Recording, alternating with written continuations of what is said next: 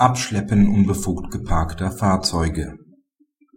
Der Grundstücksbesitzer darf sich der verbotenen Eigenmacht durch unbefugt auf seinem Grundstück abgestellte Fahrzeuge durch ein Abschleppen zur Wehr setzen, die dabei anfallenden Abschleppkosten kann er als Schadensersatz geltend machen.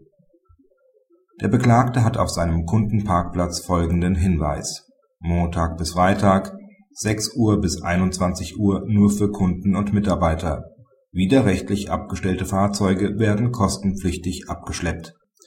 Das Fahrzeug des Klägers stand auf dem Parkplatz und wurde zwischen 19 Uhr und 19.15 Uhr abgeschleppt und auf das Gelände des Abschleppunternehmers verbracht. Dort löste der Kläger den Pkw gegen Zahlung von 150 Euro Abschleppkosten zuzüglich 15 Euro Inkassogebühren aus die Klage auf Erstattung der Zahlungen für die Abschleppkosten wurde in allen Instanzen abgewiesen. Der BgH verneint einen Anspruch aus § 812 Absatz 1 BGB.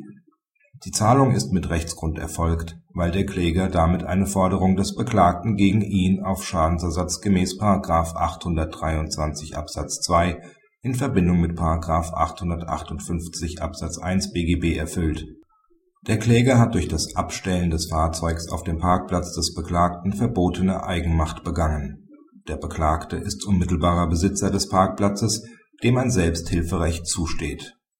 Das Abschleppen stellt auch keinen Verstoß gegen den Verhältnismäßigkeitsgrundsatz dar, es ist nicht ersichtlich, wie der Beklagte in anderer Weise von seinem Selbsthilferecht hätte Gebrauch machen können.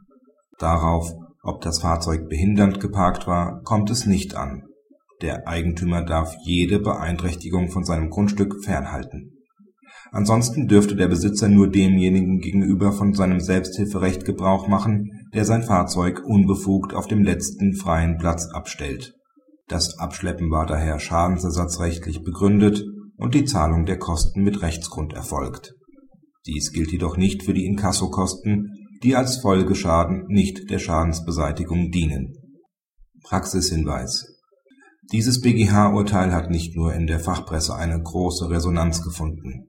Hervorzuheben ist, dass der Ersatzanspruch in Höhe der Kosten für das Abschleppen gerade nicht davon abhängig ist, dass das Fahrzeug behindert geparkt war